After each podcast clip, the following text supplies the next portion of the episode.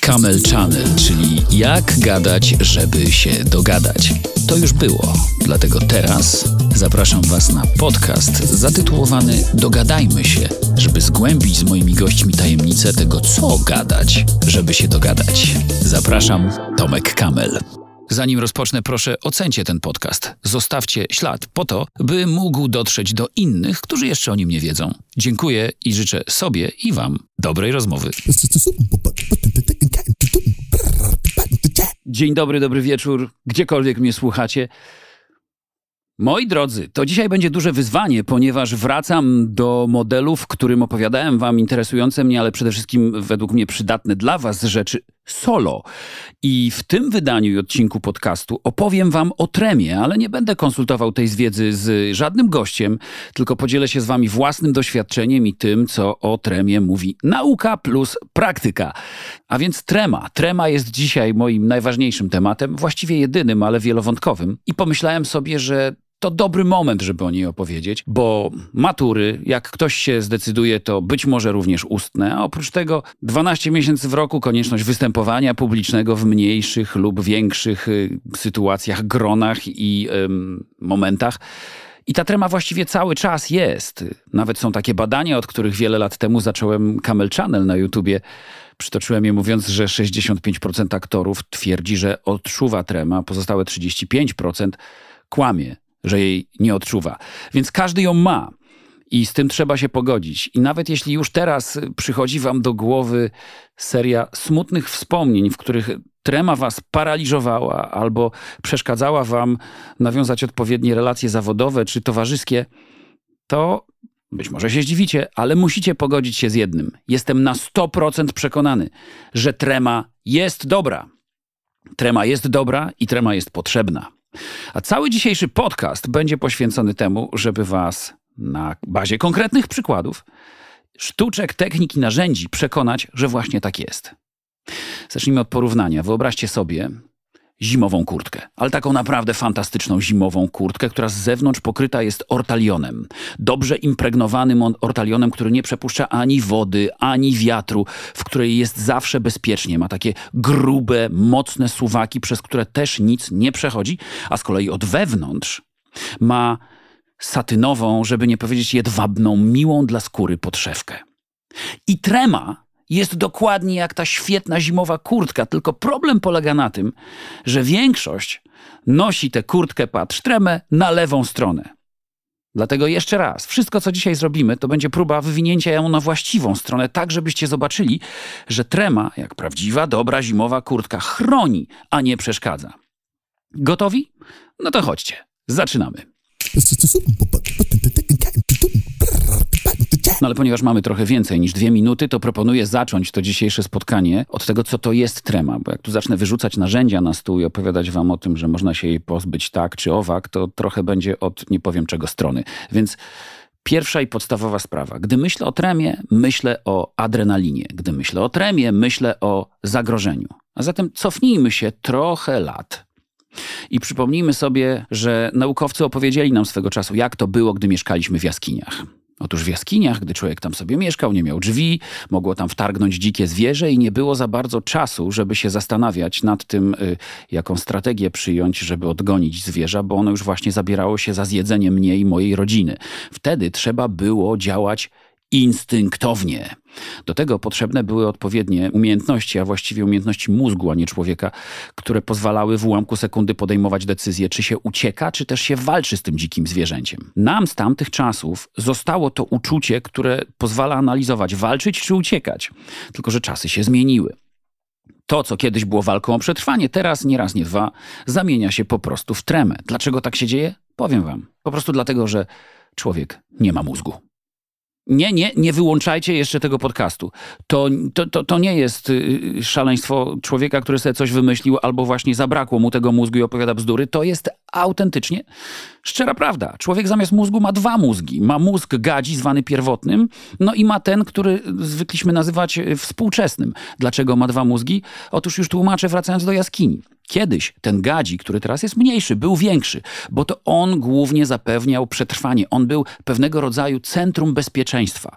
W tamtych czasach z tymi dzikimi zwierzętami ludzie nie mieli czasu, żeby zastanawiać się, czy kupić taką polisę na życie, czy inną polisę, żeby zabezpieczyć się przed problemami. Oni po prostu musieli działać szybko i ten gadzi mózg, który bardziej czuje niż myśli, podejmował za nich szybkie decyzje. Czy atakować, czy uciekać.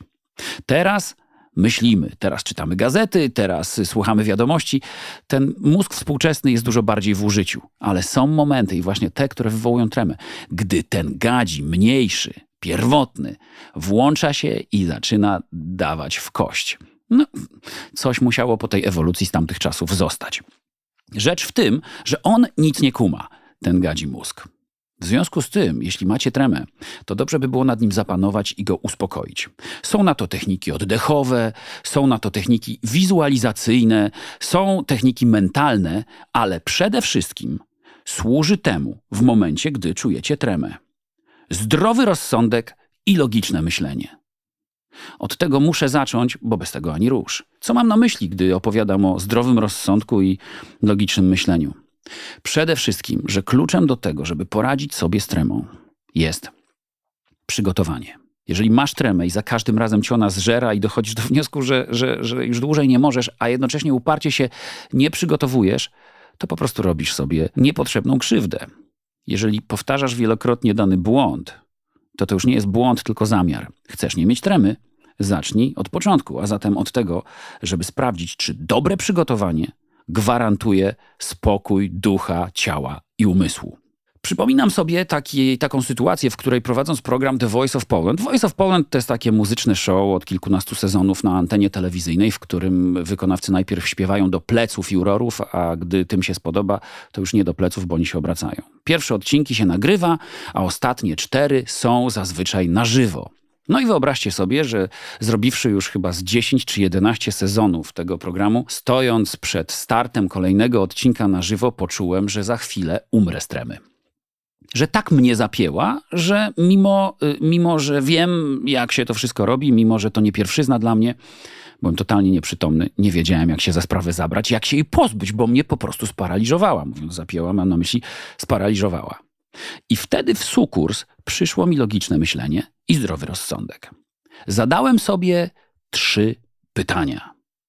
Wśród tych trzech pytań było pierwsze, które brzmiało: Uwaga! Czy jesteś przygotowany?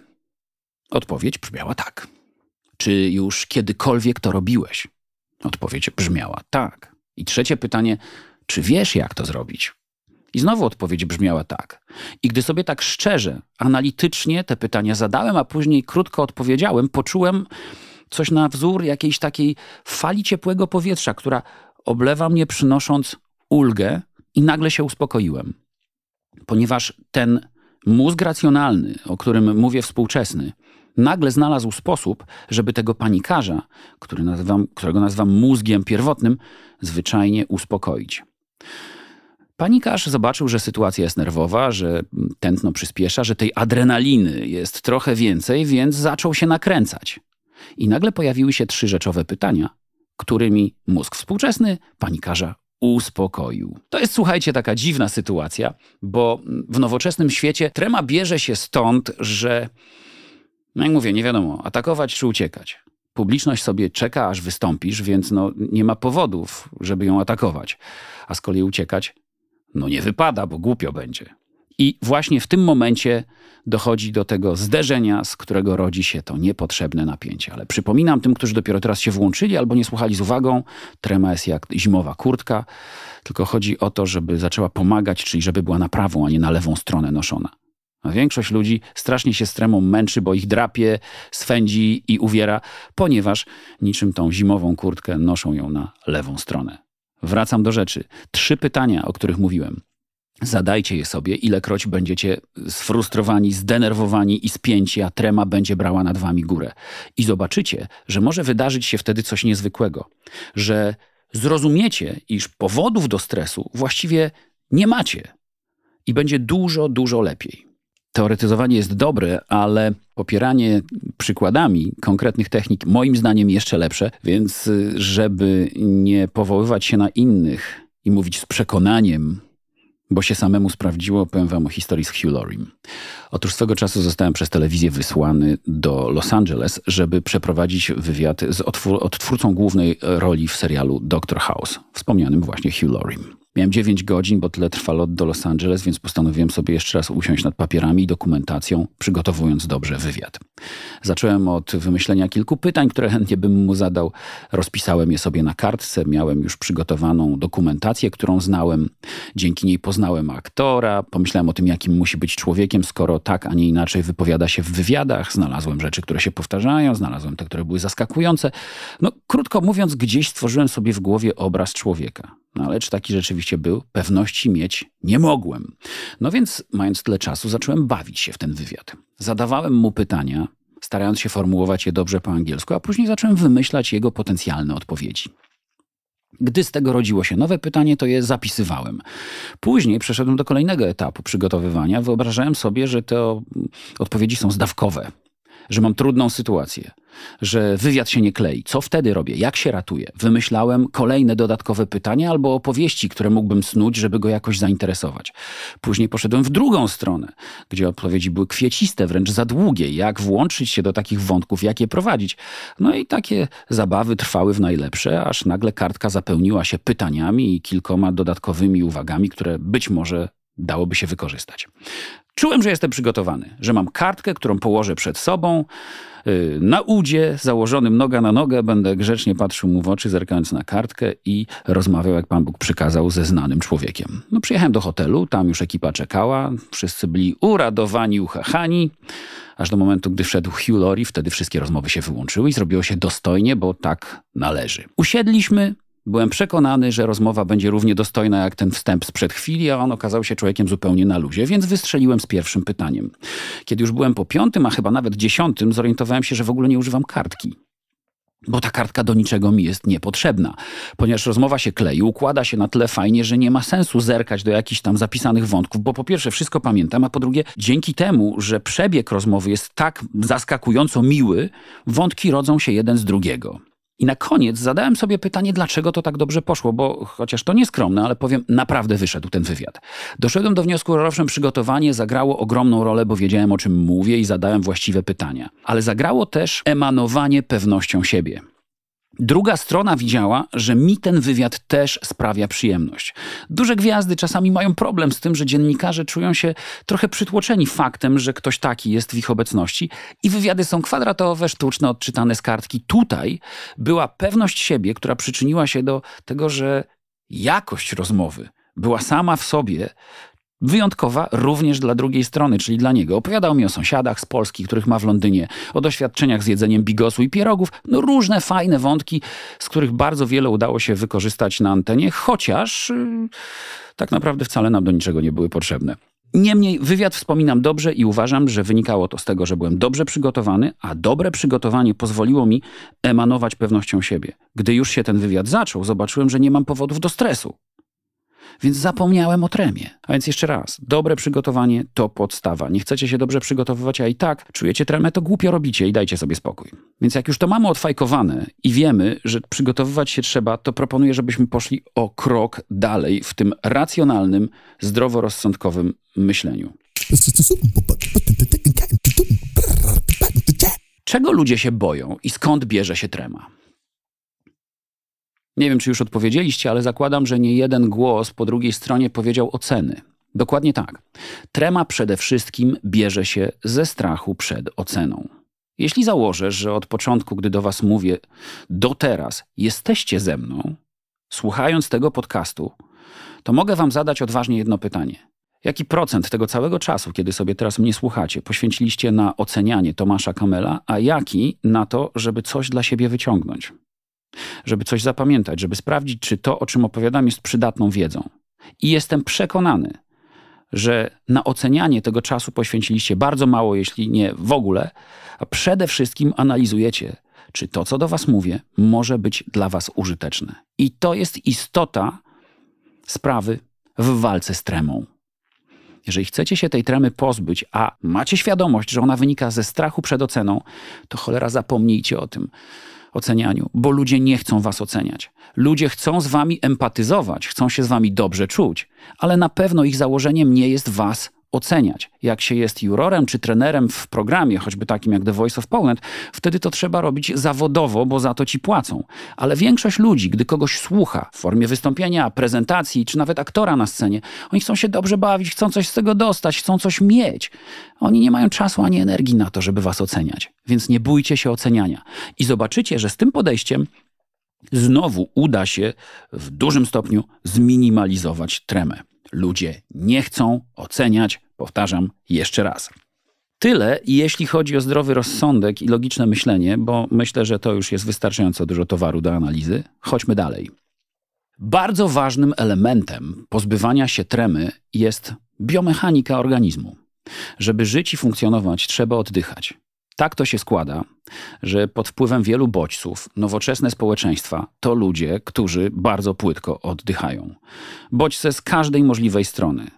I z mediów, i z codziennego życia. Ludzie są atakowani informacjami i stresem na bardzo wielu różnych poziomach. To z kolei odbija się na tym, że się coraz płyciej oddycha. To właściwie jest czasem przydech, a nie oddech. Takie krótkie zamiast odetchnięcie pełną piersią i wykorzystanie potencjału płuc. Więc mam propozycję.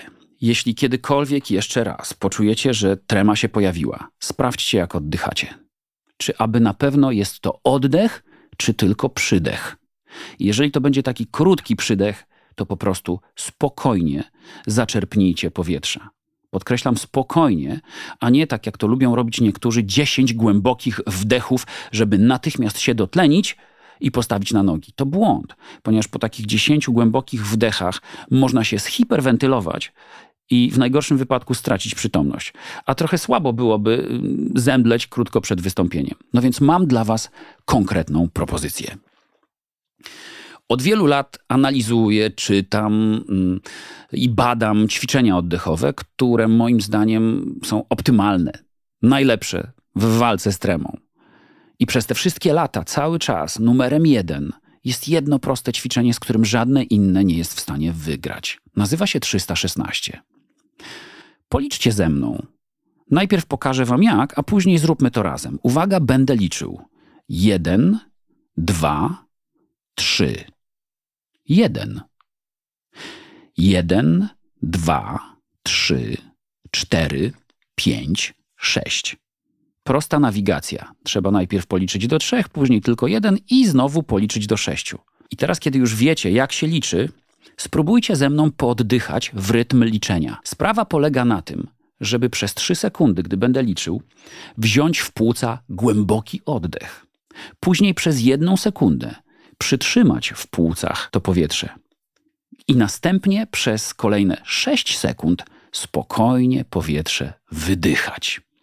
Zróbcie to teraz ze mną, gdy będę liczył, a później wam wytłumaczę, dlaczego tak i dlaczego nie można tak po prostu wdech-wydech.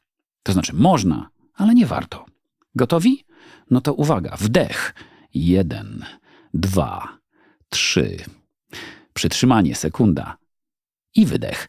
Jeden, dwa, trzy, cztery, pięć, sześć.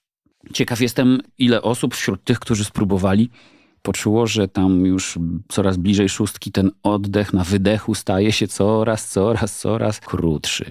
Jeżeli tak, to znaczy, że gdy braliście powietrze w płuca, wcięliście go za mało. Widzicie? Trzeba, jak to mówiła moja babcia, cyrklować, wymierzyć. Trzeba wziąć tego powietrza tyle, gdy się wdycha do trzech, żeby później starczyło na wydech do sześciu. I to cyrklowanie to wyliczanie jest bardzo istotne w całym ćwiczeniu. Po pierwsze, jeżeli odetchniecie tak, powtarzając sprawę dziesięciokrotnie, to poświęćcie na to niespełna minutę. W czasie tej minuty dostarczycie organizmowi mnóstwo tlenu, a tlen jest potrzebny do życia i funkcjonowania. Inaczej wytwarza się poczucie zagrożenia, a to z kolei bierze się ze zbyt wysokiego poziomu adrenaliny.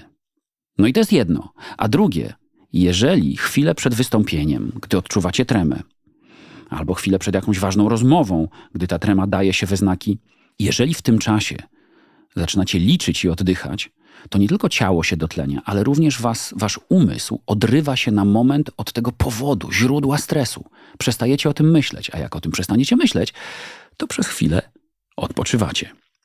Kto ceni super szybkie drzemki zwane power napem, ten wie, że mózg człowieka jest w stanie zresetować się, odpocząć, zrelaksować w ciągu właściwie 6 minut. Więc nawet w ciągu takiej minuty liczenia i nie zajmowania się tym, co was stresuje, już będziecie dużo bardziej zrelaksowani. Mam taką teorię, że gdyby sobie ująć stres, tremę jako 100% wartości, to przez takie oddychanie o 40% można jej moc zmniejszyć. A zatem 316 najlepsze ćwiczenie na tremę, jakie w życiu znalazłem i bardzo Wam polecam. Oddech to nie tylko myśli, to również, a właściwie przede wszystkim ciało. Chodźcie chwilę pogadamy o ciele. Może też się przyda. Czy wy sobie zdajecie sprawę z tego, że ciało wpływa na umysł dokładnie tak samo, jak umysł jest w stanie wpłynąć na to ciało? Co dzieje się z, ciałem człowieka niepewnego, który odczuwa silne poczucie zagrożenia, niepewności? Co dzieje się z jego ramionami, co dzieje się z jego postawą? One jest jakby wklęsłe. Całe to jego jestestwo. Jakby chciał się schować, jakby bał się zagrożenia, czasem nawet stoi trochę bokiem. To wszystko nie tylko jest przejawem tremy, ale to również ją pogłębia. A gdyby tak dokonać pewnego prostego manewru i oszukać tremę, wiecie co się wtedy stanie? Wtedy mózg spojrzy na ciało, a nie na świat zewnętrzny, który dostarcza bodźców tremowych i posłucha się bardziej ciała. Co to znaczy? Już tłumaczę. Mam tremę, stoję wystraszony, ale ponieważ znam tę technikę, kładę na biodrach ręce, niczym tancerze folklorystyczni, którzy szykują się do swoich podskoków podczas krakowiaka. Ręce leżą na biodrach. Trzymam je w ten sposób. Pozycja staje się władcza, trochę wyglądam jak taki porucznik stojący przed grupą żołnierzy. I tak stoję.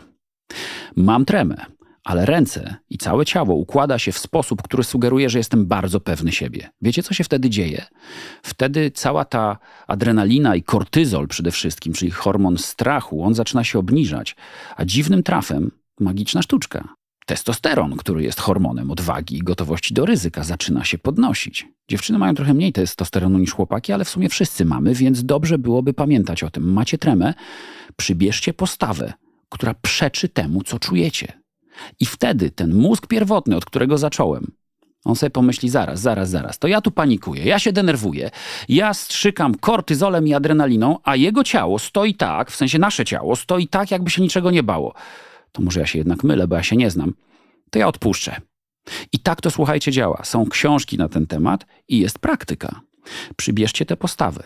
Albo gdy przygotowujecie bardzo trudną, pełną wyzwań, prezentację, od której może wiele zależeć, zależeć w waszym życiu zawodowym. I gdy już macie ją choćby na ekranie komputera i tak sobie przeklikujecie i uczycie się tekstów i notatek, nie róbcie tego siedząc przy biurku.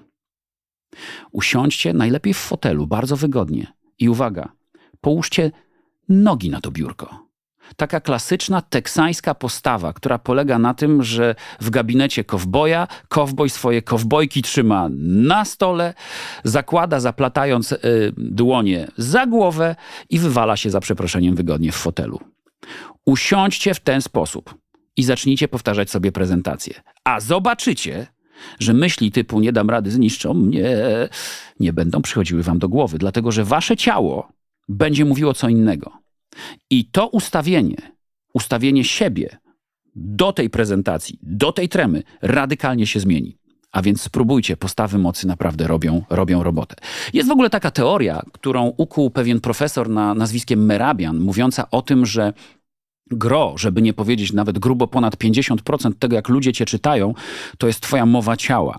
Y, dwadzieścia kilka procent to jest tembr głosu, a zaledwie kilka, tam 7 czy 8% to jest znaczenie słów. I są tacy, którzy gorąco wierzą w tę teorię, a ona jest wyssana z palca, gdy się ją przyłoży do sytuacji, w której to, co się mówi, jest spójne z tym, co mówi ciało, co pokazuje ciało. Merabianowi chodziło o to, że jeżeli zrobię sfochowaną minę i z krzeczącym głosem, z rękami zaplecionymi na piersiach powiem do kogoś mi bliskiego kocham cię, to on mi po prostu nie uwierzy, dlatego że głównie przeczyta moją mowę ciała, głównie przeczyta mój tembr głosu, a kocham cię, no to będzie tam miało wartość tych wspomnianych 7%.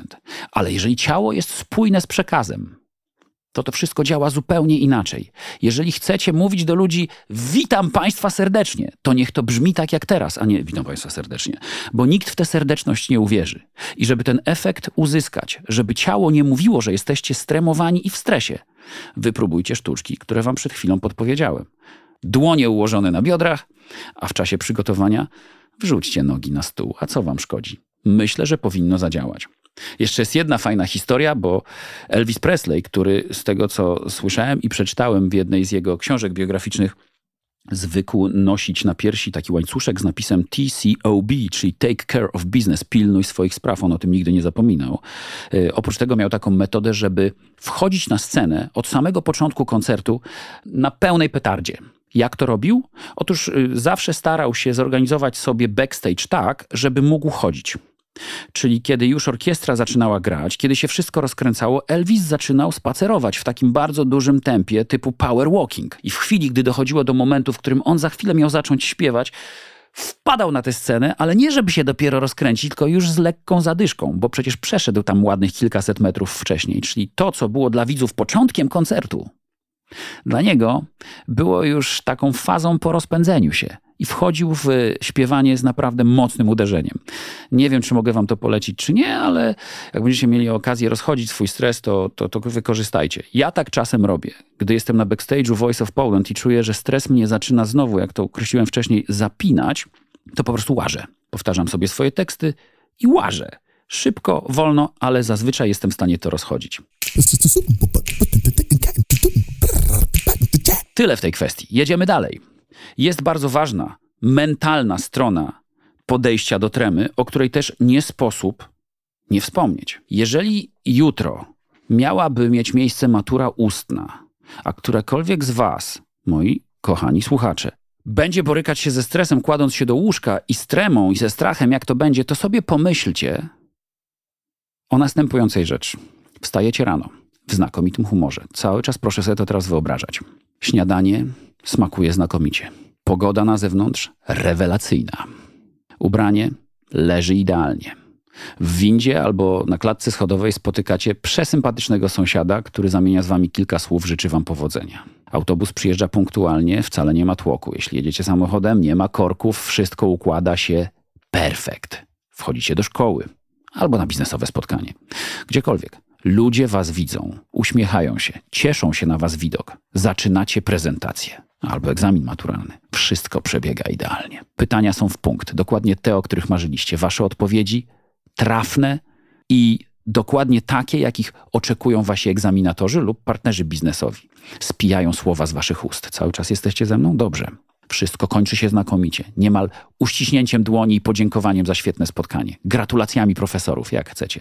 To wszystko przed snem trzeba sobie wyobrazić po to, żeby zwizualizować całą tę sytuację, nastroić się do niej. Te obrazy zostaną we śnie przetworzone odpowiednio przez mózg i zamiast się stresować, zakodowane i być może wpłyną, a są na to poważne dowody, na to, co będzie działo się następnego dnia. Może nie zaczarujecie pogody, żeby była lepsza niż planowana, ale na pewno podejdziecie do niej inaczej. A co do reszty, po prostu sprawdźcie mózg i mentalna siła mózgu mają nieprawdopodobną możliwość zmieniania percepcji rzeczywistości. I jeszcze jedno. Pozwólcie sobie na to, żeby czuć lęk przed odczuwaniem strachu. Nie wmawiajcie sobie, że się nie boicie, bo takie wmawianie sobie, że nie ma tych emocji, a one cały czas próbują tam z za rogu do was pomachać i mówić: e, hello, ja jestem tutaj, tak, tak, tak, koleżanka też, my jesteśmy twój strach i obawa nie ma sensu sobie wmawiać, że się nie boicie, że nie macie tego lęku. Trzeba się z tym pogodzić. Dać sobie przyzwolenie na lęk przed odczuwaniem strachu. Że się boicie, ale że to wszystko jest. W momencie, gdy człowiek sobie to uświadomi, intensywność tych bodźców zaczyna słabnąć. I tu przychodzi mi na myśl pewne rozwiązanie, które stosuję od dawna. Znowu chcę Wam się przyznać i podzielić z Wami. Otóż ja moją tremę, moi drodzy, postrzegam jako osobny byt który jest we mnie, ale nie jest mną.